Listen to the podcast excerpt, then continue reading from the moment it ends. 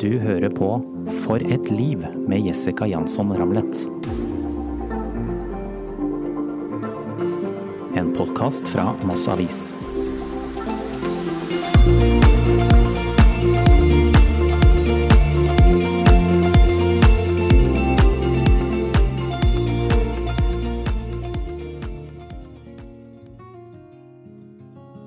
Når jeg var fire-fem år gammel, så var uh, fetteren min uh, i Florø. Han tok meg inn på barnerommet sitt og viste Han sa 'Se her, Øystein, kom, jeg skal vise noe'.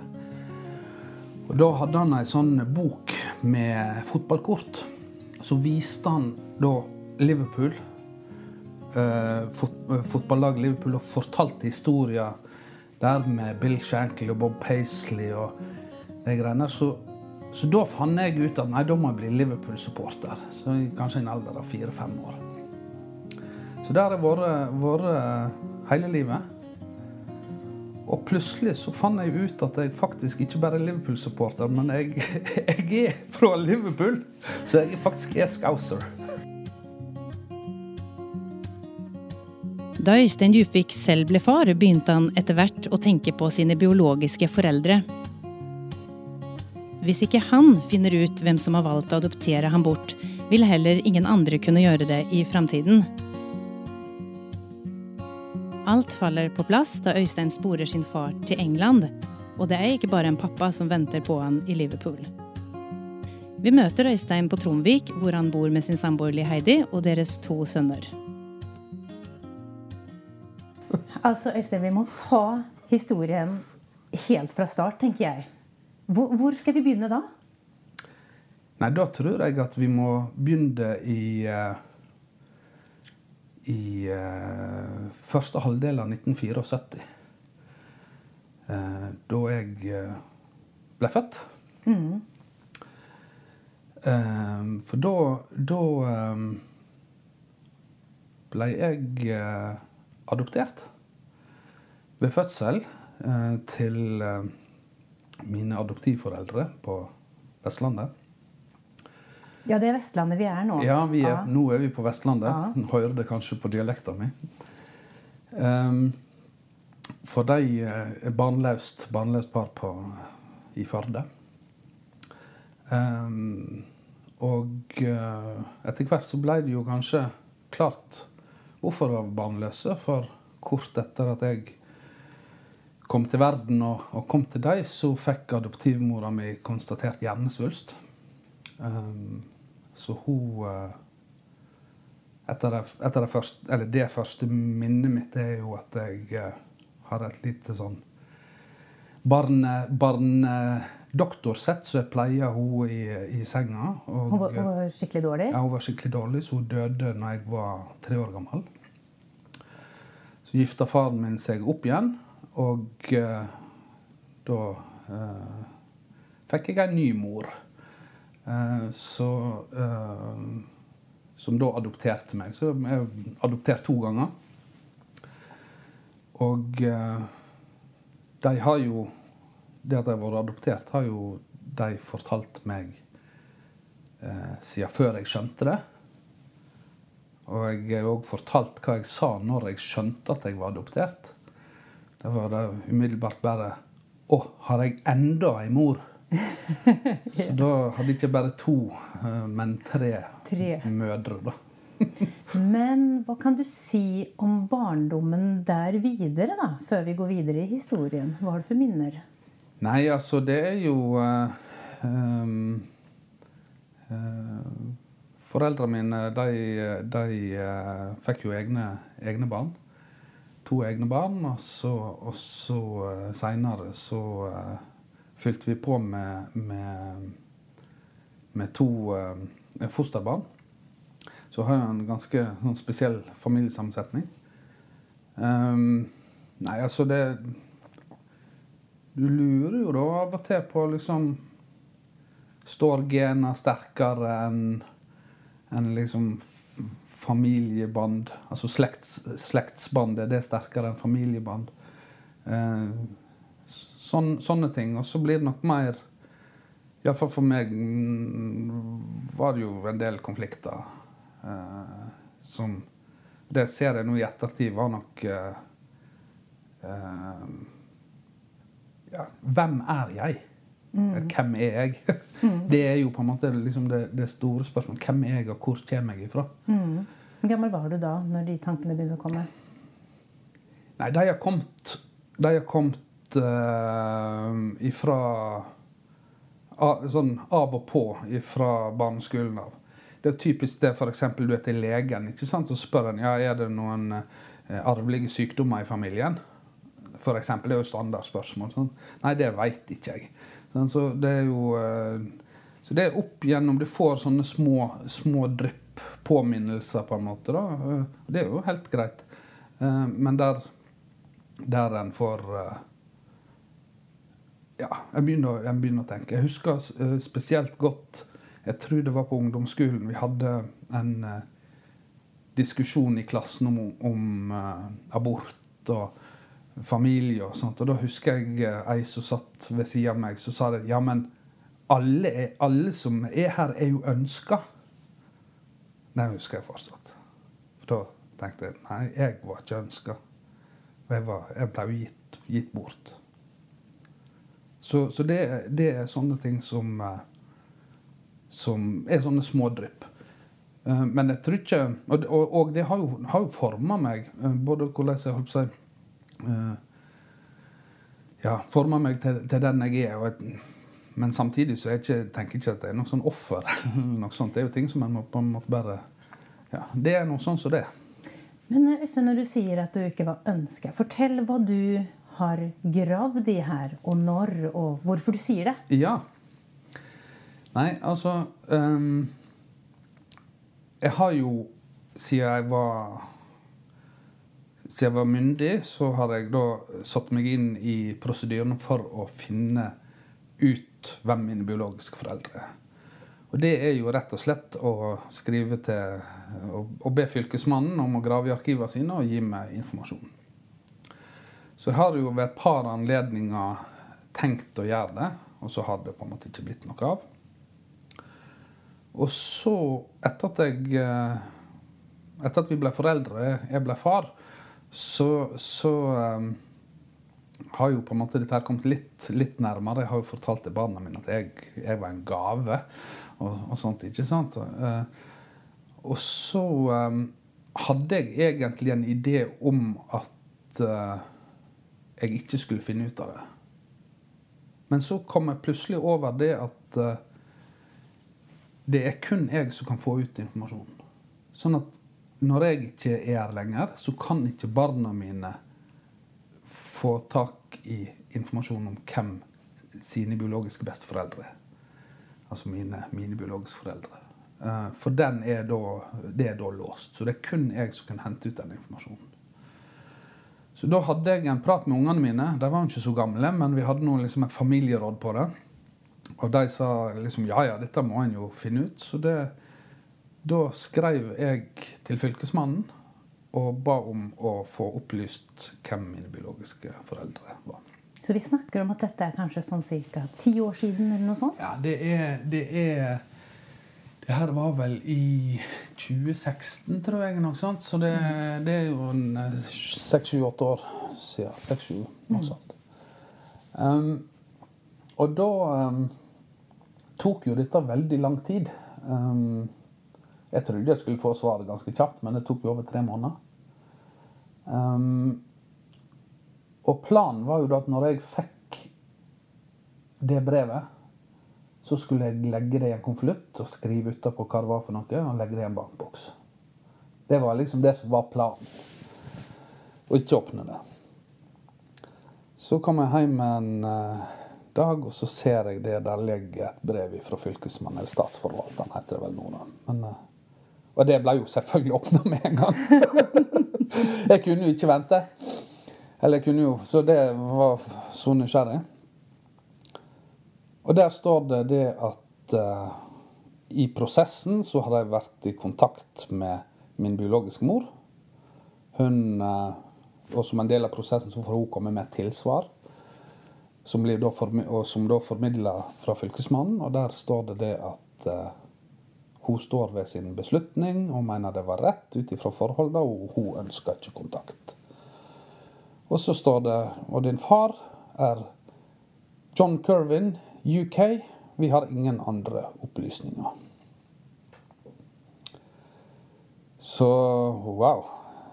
UK, ja. Så her var det bare å hive seg rett på Google. Du må fortelle Kan du gjengi hva som foregikk inni Øystein da? Når du står med det papiret der? Nei, altså, jeg er jo Nei, For meg så var det bare her må jeg bare finne ut hvem han var. Eh, det var eh, hvem far min var, det var det ene. Og så det, for, for mor mi så var det bare sånn Ja, det, det hadde jeg vel forventa, på en måte. Jeg har, har, jo kjørt mange forskjellige scenarioer uh, som jeg har tenkt gjennom. Uh, på hva kan grunnen være og, og sånt. Um, nå hadde jo jeg da et navn på henne, så jeg kunne, kunne, gjøre en del research, som jeg har gjort. Um, ja, Så du, du, vet hvem hun er? Ja, jeg, jeg vet hvem hun er, jeg vet hvor hun bor og vet telefonnummeret. Merkelig situasjon. Ja, det er jo altså Men hun har valgt å Hun har gitt beskjed om at hun ikke ønsker kontakt, og det, det, det respekterer jeg. Um, jeg har gått flere runder med meg sjøl i forhold til, til uh, For jeg vet jeg har ei halvsøster på, eller ei søster på morssida, og jeg har mange onkler, tanter og fettere og kusiner og sånt. Jeg har gått flere runder med meg sjøl om, om, hennes ønske om ikke kontakt Om jeg da allikevel skal ta kontakt med de andre slektningene på morssida. Men jeg har tenkt at det, det gjør ikke jeg. Iallfall ikke nå. For det gjennom, uh, gjennom det som jeg har funnet ut, da, for slekt, slektstavla hennes ligger på nett, så jeg har jo full kontroll over morsslekta mi tilbake igjen til 1600-tallet ca. Og gjort en del research der, så jeg vet jo det at hun var for det første hun var jo veldig ung. Hun flytta hjemmefra når hun var gravid, for å føde og gå, gå, være en annen plass og være seg, synlig gravid. Og, og, fødte meg, og flytta da et sånn som jeg forstår, tilbake igjen. Um, jeg tror religion spilte en del rolle. Uh, og tiden, altså midt på 70-tallet, så var det jo Abortlovgivninga var mye strengere. Um, og uh, ja, etter sånn som så jeg Altså, nå har jo hun etablert seg i et, i et Holdt på å si Etablert seg. Og, og, jeg regner med at det er så å si ingen som vet at hun har født et barn som var bortadoptert. Så det så får, sånn får det bli. Ja, du, kan du forstå hennes situasjon og valget hun har tatt? Ja. Uh, det er nok på én måte er ikke uh, så vanskelig å forstå, tenker jeg. På en annen måte så er det jo òg sånn hva slags mor er det som gir vekk barnet sitt? Sånn at jeg veit jo ikke Jeg veit jo ikke på en måte helt sikkert alle omstendighetene her. Um, men, men jeg veit en del. Og ja. Jeg tror jo det at um, kulturen på kultur og religion på, på Vestlandet og Nordvestlandet og sånt var jo ganske Påvirka kanskje beslutningene.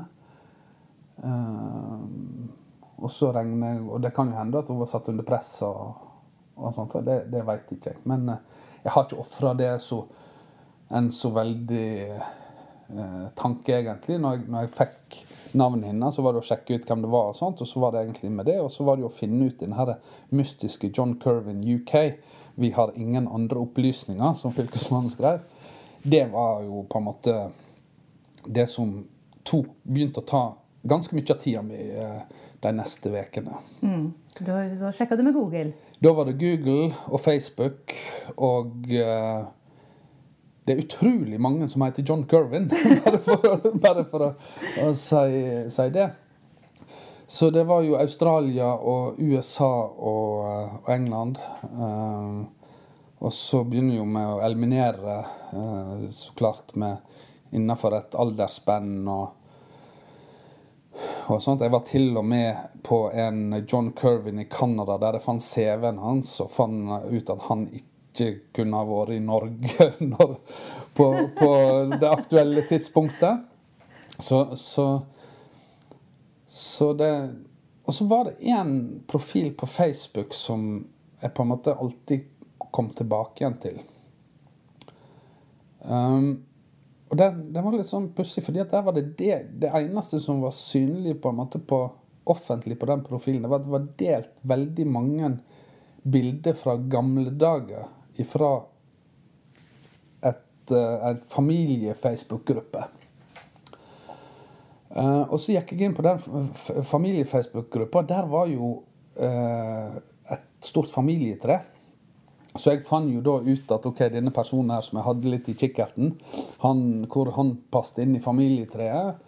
Og så begynte jeg å se på bildene som var lagt ut av personer. Så husker jeg det, det var en som jeg, et bilde som jeg viste til, til Heidi, til samboeren min. Så sier at han, han, Denne personen her, da. Hva, ja, det der kunne vært deg når du, var, når du er 70. Nei. Og da når jeg ser i familietreet, så vil jo det da være min eh, min eh, oldefar. Mm. Og så kom jeg over ei dame som hadde akkurat samme trekka i øynene som min eldste sønn. Så jeg, så jeg sa til henne Se her. Ja, dette er jo helt likt Adam. Og så tenkte jeg ja, dette var spennende. Men så, så bare Nei. Uh, dette her må jeg bare legge vekk fordi at uh, du, du, du, du, finner det du ser etter, på en måte. ikke sant? Så en kan på en måte ikke basere seg på Jeg kunne sikkert funnet ganske mange som, som ligner på noe av mitt avkom eller meg sjøl. Så, så, tenkte jeg ok, dette her legger jeg bare vekk. Men så gikk det jo liksom, Jeg fikk ikke ro i, i meg sjøl. Jeg gikk jo og tenkte på dette her igjen og igjen og igjen i kanskje en måneds tid eller noe sånt. Jeg kunne ikke slippe taket. Så fant jeg ut at ok, nå må jeg bare gå tilbake igjen på den Facebook-profilen. Og så må jeg finne noe som eliminerer. Så gikk jeg inn på veggen der, og så blar jeg tenkte jeg, ok, nå får jeg bare gå gjennom all, all offentlig informasjon på den Facebook-profilen. Og lete etter noe som kan eliminere. Så jeg begynte å scrolle nedover, eh, på, i, på en måte bakover i eh, hva denne Facebook-profilen hadde posta. Og det var ett år, og det var to år, og tre år. Masse poster ned. Bruker ganske lang tid.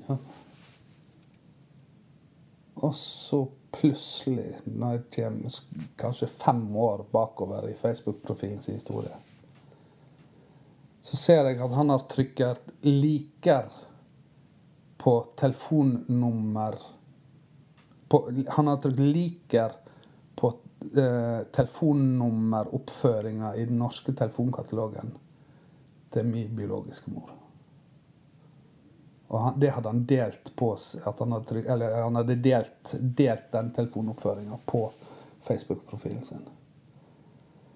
Så da fant jeg ut at her er det en som heter John Curvin i UK, altså i England, som har, som har eh, delt telefonoppføringa oppføringa til min biologiske mor.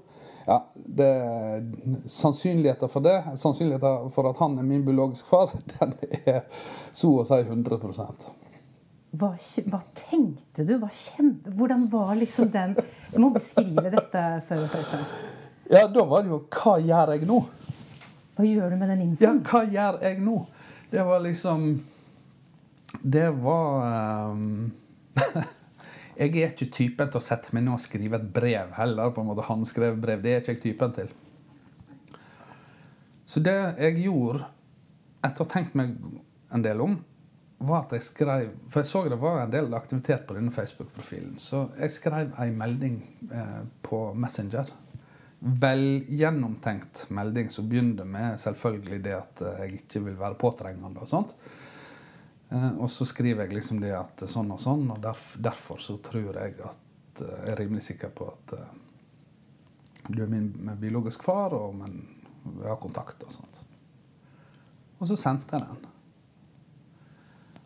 Og når du sender en melding på Messenger, så får du opp når den er lest. Så uten å overdrive så gikk jeg og sjekka den meldinga iallfall hver halvtime i kanskje tre uker. Og den ble ikke lest. Så den hadde liksom ikke nådd frem? Nei. Og da tenkte jeg OK, hva gjør jeg nå, da? Uh, en sånn melding av en sånn personlig karakter kan jo på en måte ikke ligge og bare flyte, uh, flyte i, i internett. Den må jo komme fram og bli lest. Så tenkte jeg som så, ok, kan det være sykdom her? Kan det være eh, at Ja, hva er det? Um, og så hadde jeg jo gjort litt research på den her eh, familiesida som han delte bilder fra. Så ser jeg jo da at de er vokst opp i eh, Scotty Road i eh, delvis, iallfall delvis i Scotty Road og eh, nært Anfield i Liverpool. Og jeg er jo Liverpool-supporter, så det passer jo veldig fint. Så det som jeg gjorde Jeg fikk ikke uh, Jeg fikk ikke fred. Gått og sjekka din melding her i tre, tre uker og ikke svar, så jeg fikk ikke fred. Så det som jeg gjorde Jeg, uh, jeg og noen kompiser var på en kafé. Og de bare sa Øystein, du driver og sjekker telefonen din hele tida. Kan ikke delta i samtalen? Hva er det med deg? Så sa jeg nei, jeg må bare gå ut en tur. De visste jo ingenting om hva, hva jeg sto i eller drev på med. Så jeg gikk ut, og så ringte jeg utenlandsopplysninger. Og så sier de at uh, Vi har telefonnummer til John Kervin i Liverpool. Nei, vi, der er ingen John Kervin i Liverpool som vi har telefonnummeret på. Ja, sjekk litt til, da. Nei, uh, vi nå sjekker alle databaser. Det er ingen John Curvin i Liverpool. OK. Gi meg nummeret til den personen som bor nærmest Anfield stadion, altså Liverpool, sin fotball, Liverpool fotballklubb sin stadion Den som er nærmest Anfield, som har etternavnet Curvin. Jeg visste det var i, i Anfield-området.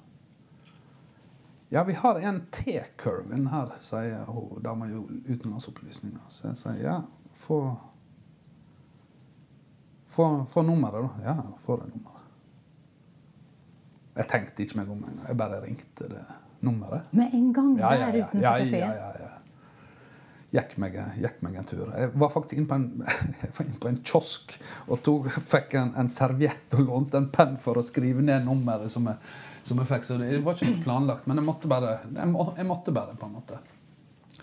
Så ringte jeg, og så var det ei dame som tok telefonen, og så sa jeg I'm looking for John Curvin.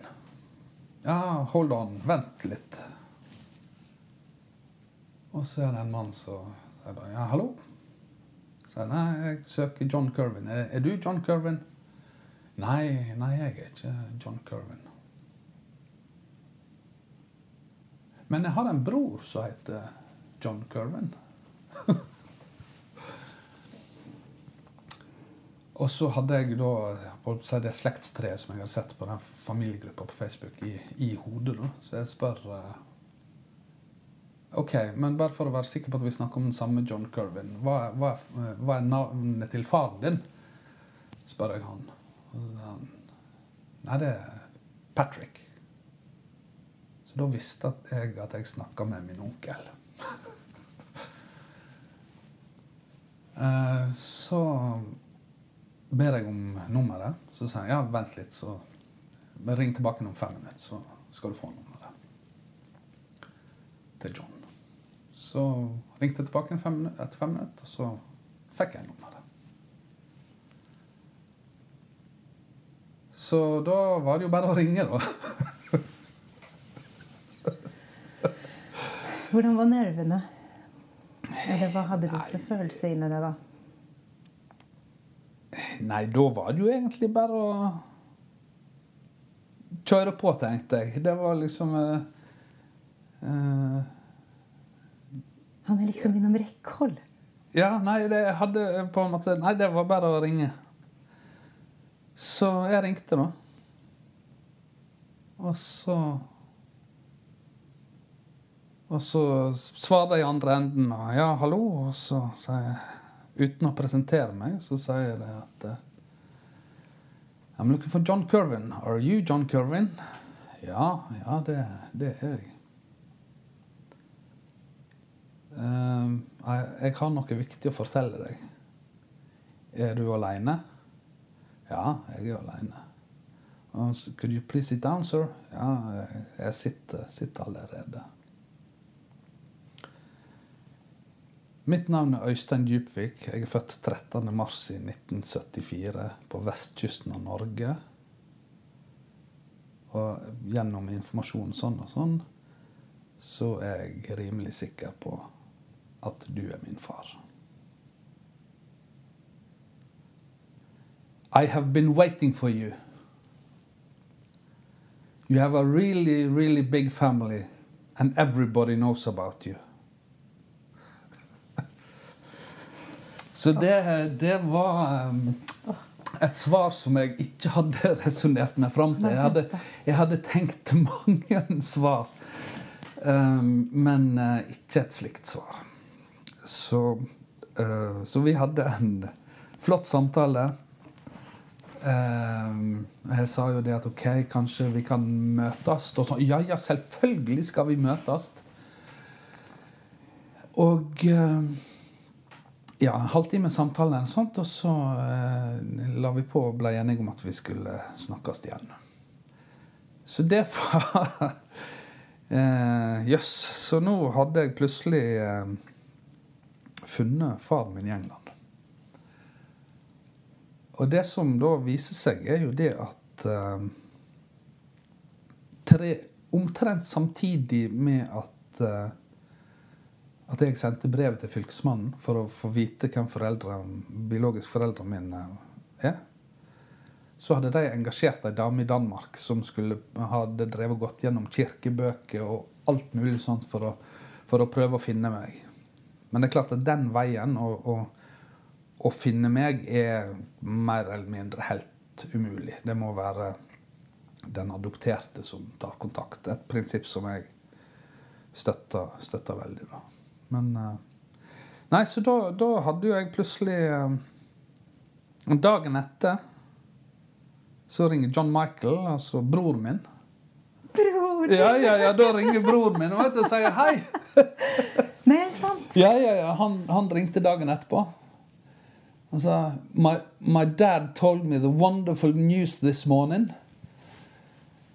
Så uh, Herlighet.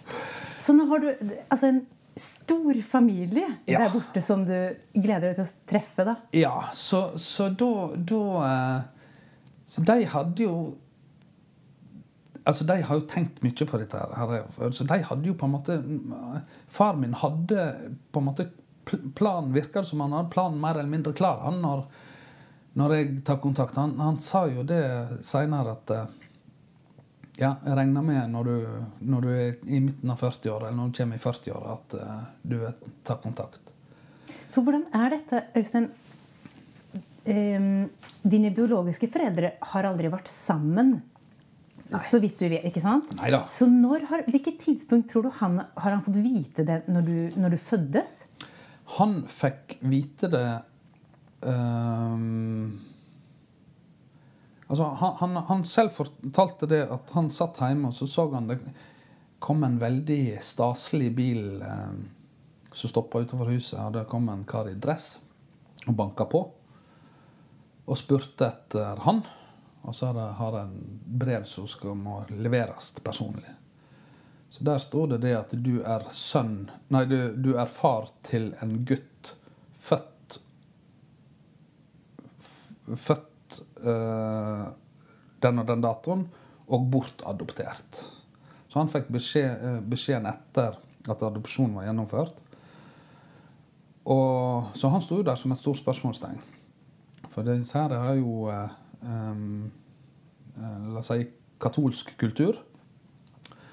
Eh, sånn at der var jo Sånne ting pleide en jo på en måte ordne innenfor familien med foreldre eller tante og onkler og, og sånt. ikke sant? Så, så det, det, var, det var ganske stort sjokk, for det var liksom gitt vekk. Det er jo liksom sønnen min. Eh, så det, det veit jeg. De, eh, de har, og han fortalte jo til alle eh, i slekta at han hadde en sønn i Norge som han ikke visste hvem var. Så de har jo sittet og tenkt når de, når de sitter på den lokale puben sin i, i, rett ved Anfield og ser hordene av nordmenn som skal på fotballkamp, så har jo de våre samtaleemne det at uh, skal tro om uh, sønnen min er blant disse. Så det var jo bra at jeg ikke kom med sånn Chelsea eller Manchester United-tatovering. eller noe sånt. Da. Så, så det, var, det, var, det, var, det, var, det var full klaff. Nei, så han, så uh, etter En måned etter vi fikk kontakt, så kommer John Michael, broren min, kommer til Norge. Så vi møttes, eh, var her ei langhelg. Og han forteller på en måte eh, om eh, slekta i England og liksom forbereder meg på hva jeg har om i vente. eh, og så blir det avtalt eh, eh, Avtalt at jeg skal til England. Var det som å møte broren din? Nei, det var som å Det var som å møte en gammel bestevenn som du ikke har sett på 20 år. Det var Ja, nei, det var helt normalt, på en måte. Helt naturlig. Uh, ikke Ja. Og når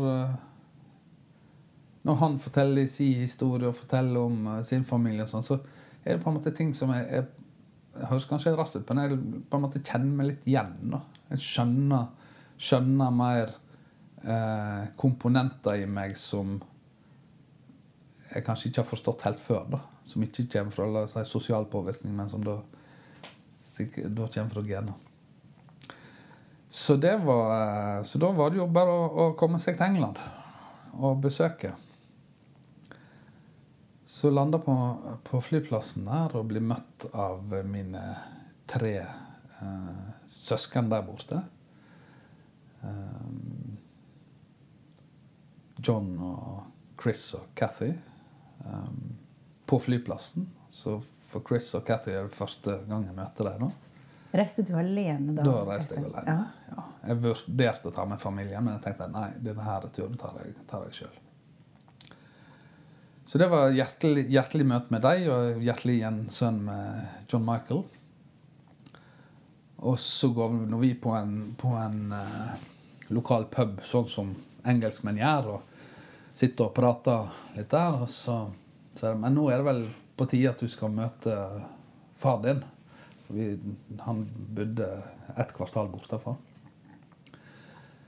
Så da eh, gikk jeg og John Michael opp og møtte han, og John Michael gikk eh, tilbake igjen til søsknene mine, som jeg, så jeg og faren min hadde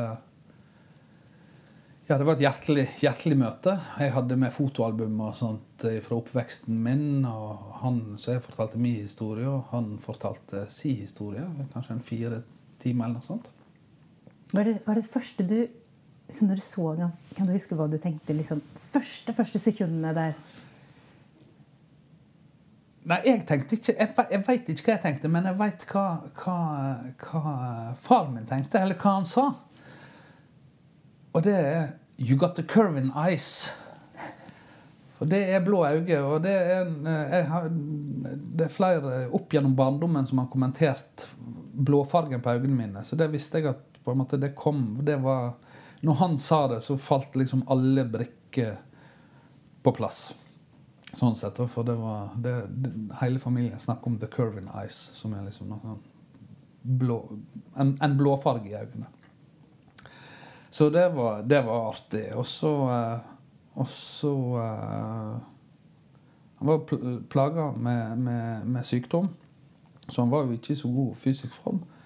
Men eh, også, men jeg la jo merke til at vi hadde på en måte samme tjukkelsen på håret òg. Det var liksom men, men, det er sånn Ja, på en måte småtteri. Det, som, det som var på en måte det viktige, det var liksom den gode, inderlige samtalen som vi fikk, der jeg på en måte eh, Der og da. Vi, han, ja, vi la alle kort på bordet, på en måte. Hvem, hvem han var, hvem jeg var, og hvordan ting hadde skjedd. og med eh, fraktebåt.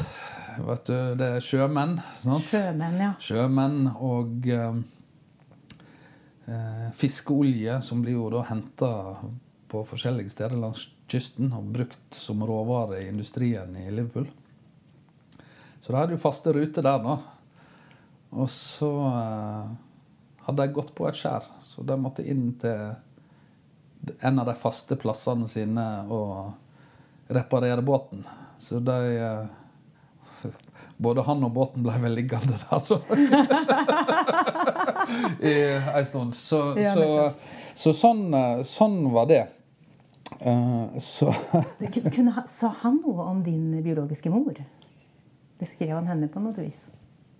Um, Nei, ikke annet enn det at uh, han uh, hadde kjent At han At han kjente henne litt fordi at de hadde på en måte faste Faste ruter, da.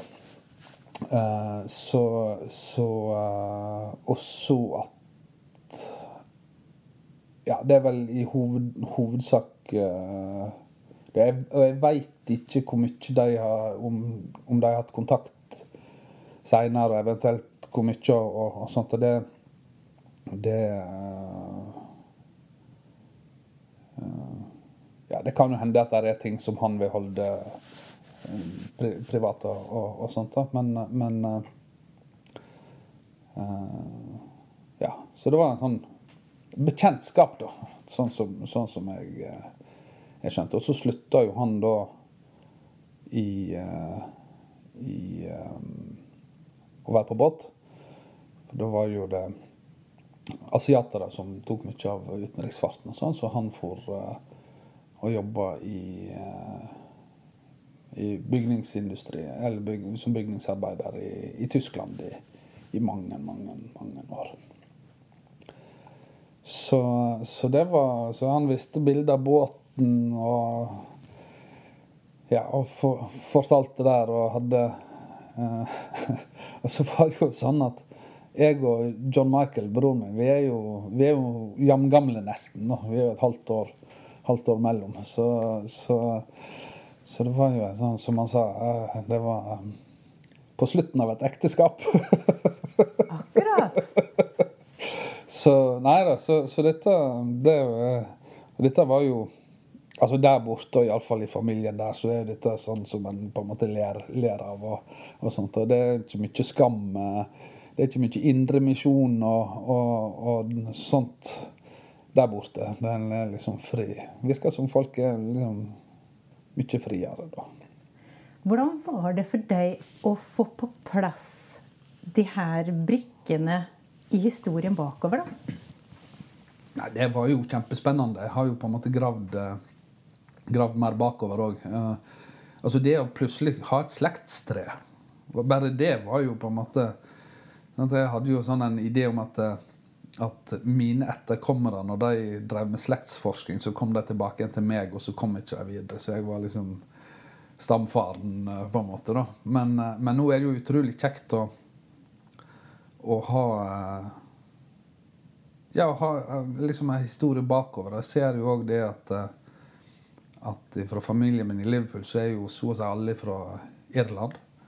Så er jo på en måte Så jeg, jeg kan jo, jeg lurer på om jeg skal begynne å gå i sånn kilt og sånt. Både skotter og. Jeg gjør det. Nei, nei, jeg skal ikke det. men, men det er iallfall Ja, det er, det er Ja, nei, det er jo ganske spennende. Det er liksom Ja. Så um, Så det var, det var jo spennende å komme bort.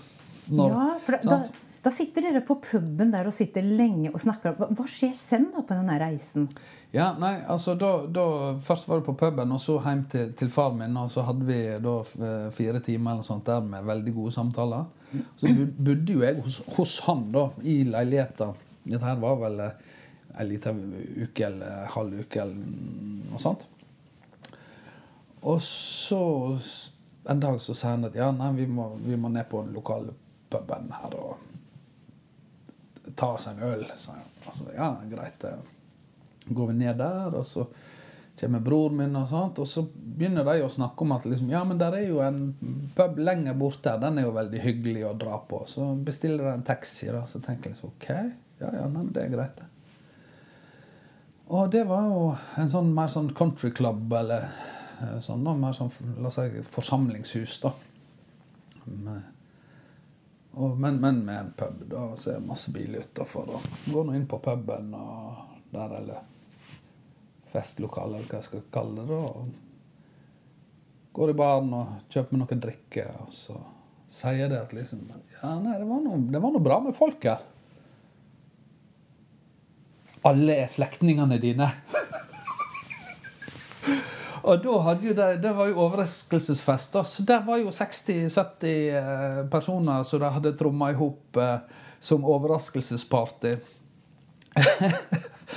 så det ble jo eh, ganske eh, overveldende. Alle skal komme og helse på. Du skal prøve å liksom sortere navn og hvordan en er eh, relatert i forhold til slekt. og sånn. Nå hadde jo jeg gjort litt research på forhånd, men, men allikevel. Så da, det var eh, masse folk eh, som jeg onkel til og sånt. vet du, ikke sant? 'Hei, onkel Øystein!' sant? Så, så det var liksom bare Jøss!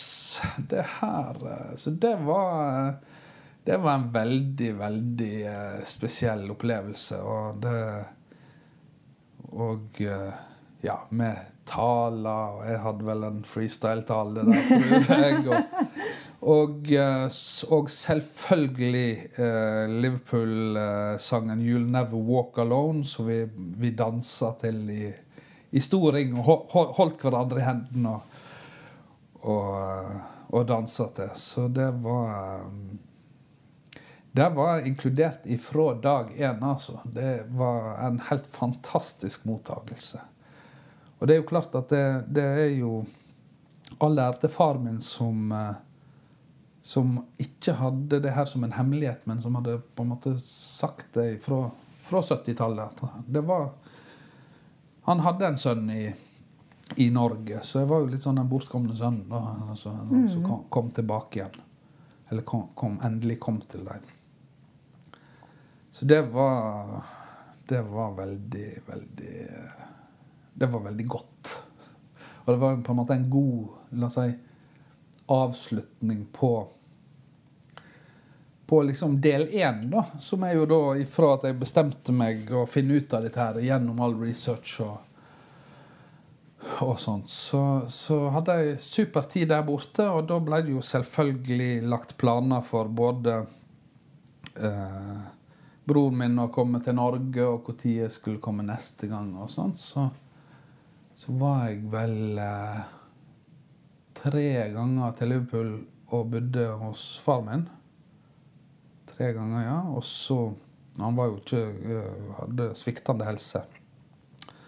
Så han, eh, han døde eh, da et To år etter at vi Ett og et halvt, to år etter at vi fikk kontakt. Men, men Så det var jo det var jo, Jeg er veldig veldig glad for at jeg ikke utsatte å prøve å få kontakt. Og vi på en måte fikk såpass mye tid sammen at uh, og, og, den tida vi hadde sammen, så var det på en måte inderlige og dype samtaler der vi på en måte ble kjent om en historie og sånn. Så det, det, er jeg veldig glad for. Og så i ettertid så har vi jo har vi uh, har opprettholdt kontakten.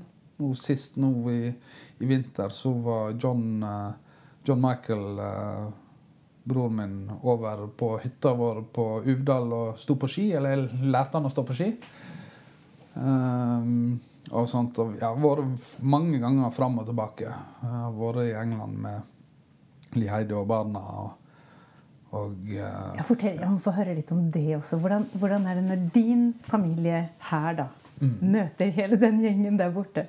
Nei, det Det går helt fint. Det eneste er at, uh, som er utfordrende, det er at uh, i Liverpool så snakker de jo uh, scouse, eller Liverpool-dialekt, som er jo og Veldig mange snakker veldig fort.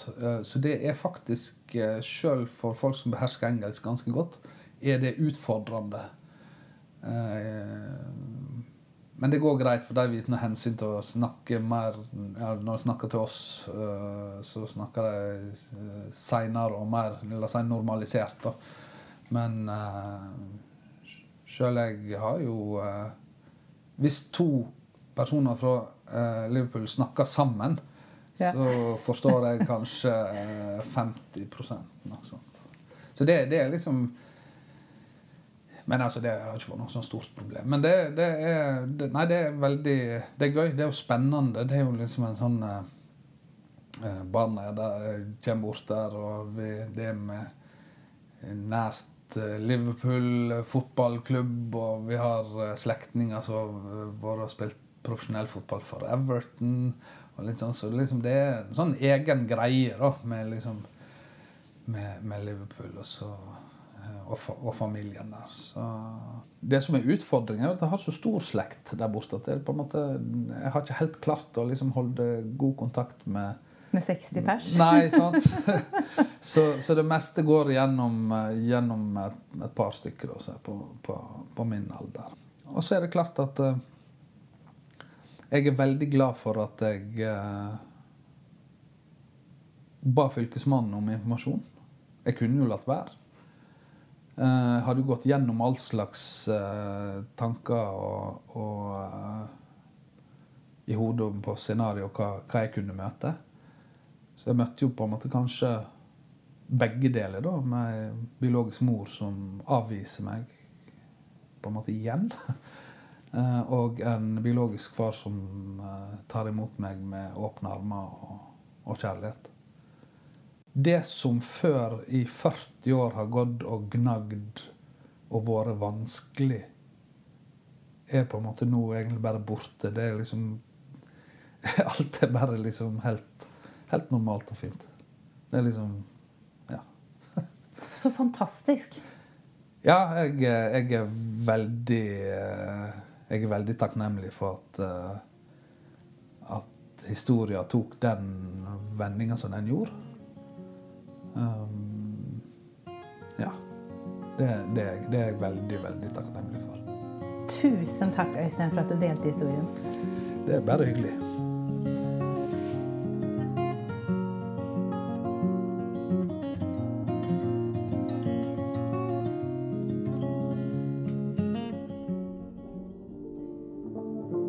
Du har hørt For et liv med Jessica Jansson Ramlet. En podkast fra Moss Avis. Musikken er laget av Shinto.